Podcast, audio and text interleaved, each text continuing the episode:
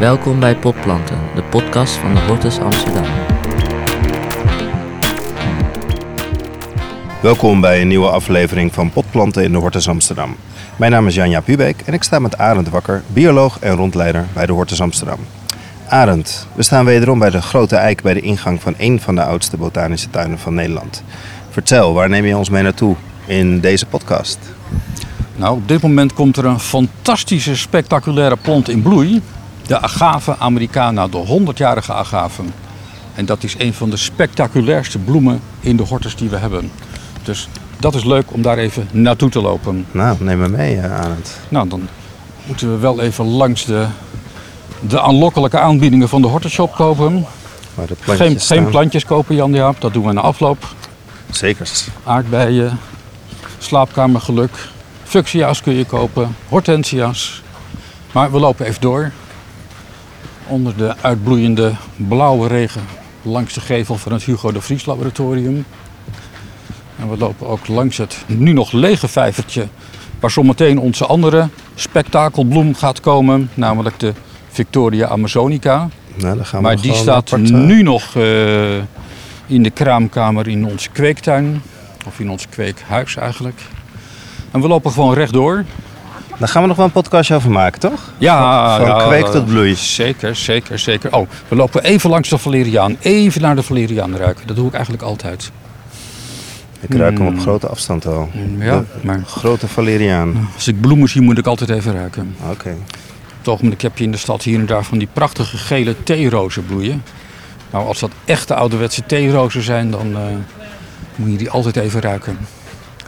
Kijk, nou lopen we langs de half afgevreten buxushaagjes van het eh, halfrond. En dan komen we hier bij deze merkwaardige Fallische plant. De Century plant staat op het bordje. De Agave americana. Nou, het geeft al aan waar die vandaan komt. Amerika. Maar zijn thuisland is eigenlijk Mexico. Is Midden-Amerika. En het bijzondere van deze plant is dat het een, eh, het is duidelijk een potplant, want hij staat in een grote kuip met een middellijn van nou, nog geen meter. Een hele grote plant. Je zou zeggen, qua wortels aan die plant zou je zeggen van hoe kan dat in zo'n klein kuipje, maar dat gaat. Oké, heeft hij geen grote wortels? Nee, hij heeft niet zoveel wortels. En kennelijk, de voldoende, er is voldoende water aanwezig in want hij heeft natuurlijk wel water nodig. Maar ja, daar zorgen de hoveniers dan wel voor. Oké. En er zitten allemaal grote vlezige bladen van meer dan een meter lengte aan. Zo'n soort eh, blauw-grijze dolken die uit de voet van de plant steken. En daar middenin staat inmiddels al een telefoonpaal. Of ja, voor de jongere luisteraars, eh, die hebben natuurlijk geen eh, weet meer van telefoonpalen. maar moet ik het met, eh, ja, Ja, hoe moet je, hoe het moet je in moderne woorden een moderne staaf? Nou ja, het is een grote groene polstok, zeg maar. Met een, een, een diameter van, van 6, 7 centimeter. Met een hele grote punt aan de bovenkant. En hij gaat als een speer naar boven. Nou ja, als een speer.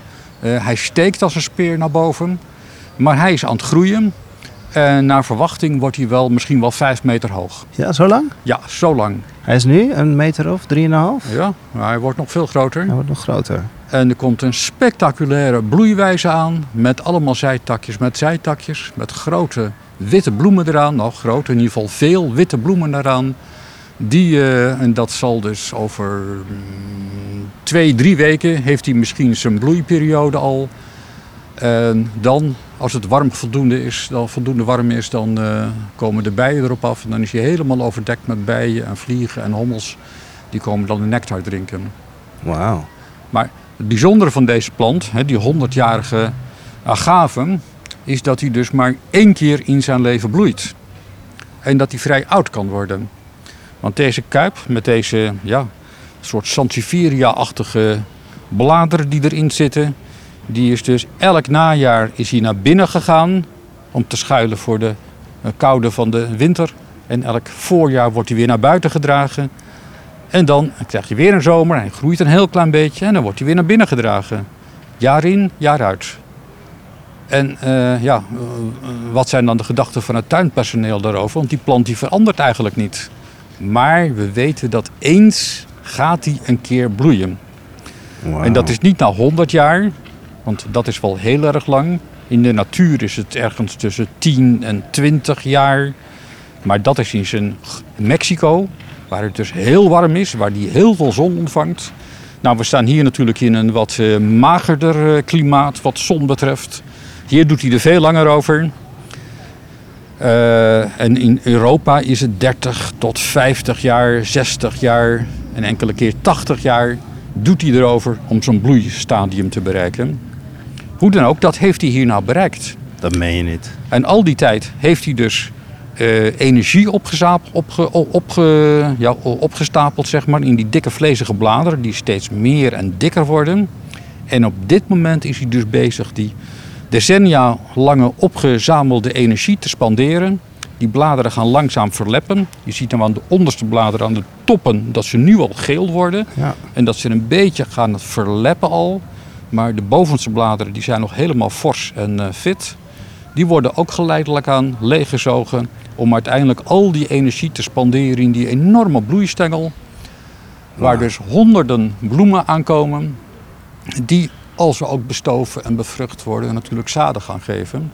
En die dan in de Mexicaanse woestijn natuurlijk met de wind worden meegenomen en over de woestijn verwaaien tot een plekje waar die zaden het eh, zo kunnen hebben dat ze een keertje weer kunnen gaan uitlopen en dat je weer nieuwe agavetjes gaat krijgen.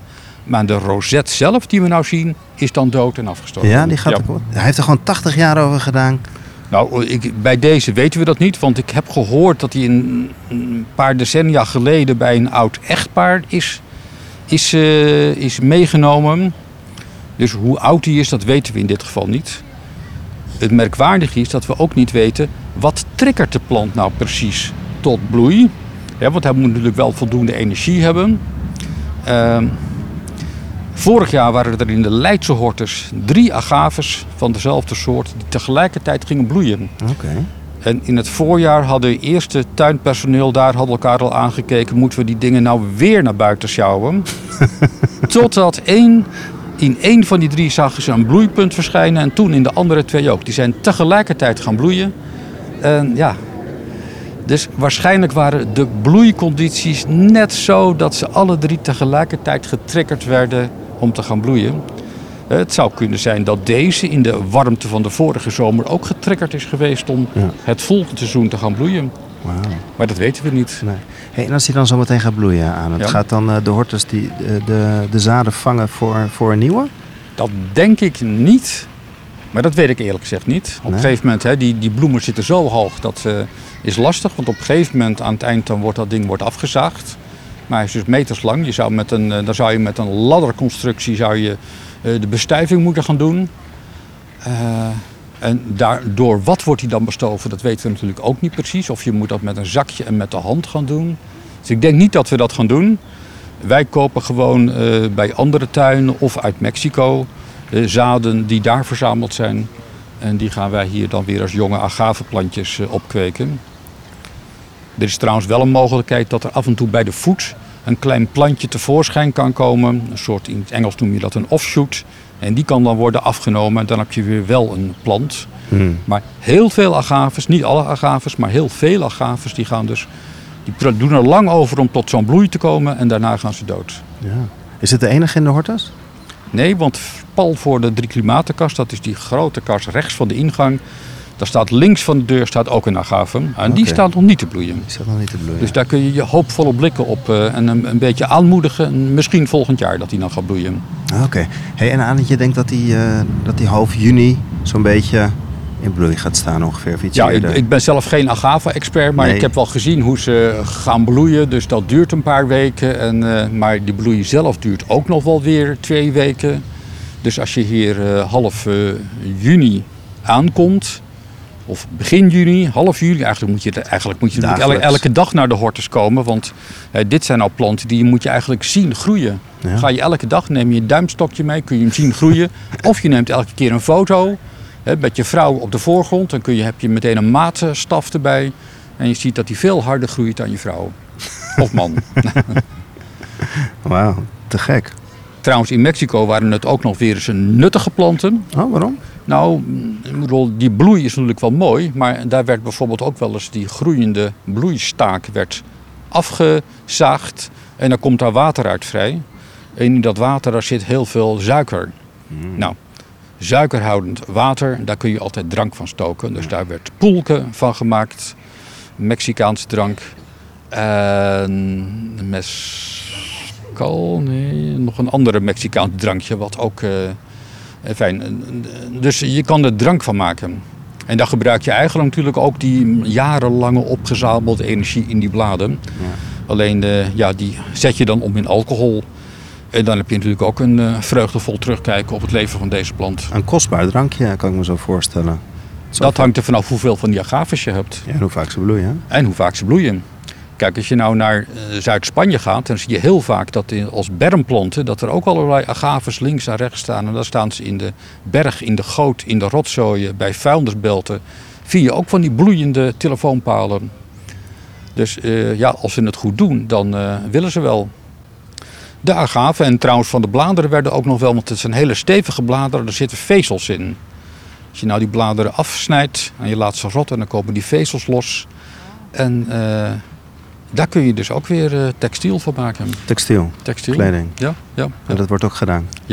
ja, als je daarbij in de buurt woont, dan ga je alles van je omgeving ga je gebruiken. Dus ook de agaves. De 100-jarige agaven. Ja. Nu te zien. En over drie maanden niet meer, dus haast u. Haast u. Ja. nou, dit was een gesprek met Arend Wakker in de Hortus Amsterdam. Deze podcast is een van een serie te beluisteren via iTunes en Spotify. Wilt u de agave zelf komen zien? Kom dan gauw naar de Hortus in Amsterdam. Voor meer informatie over openingstijden en andere informatie kunt u kijken op www.dehortus.nl.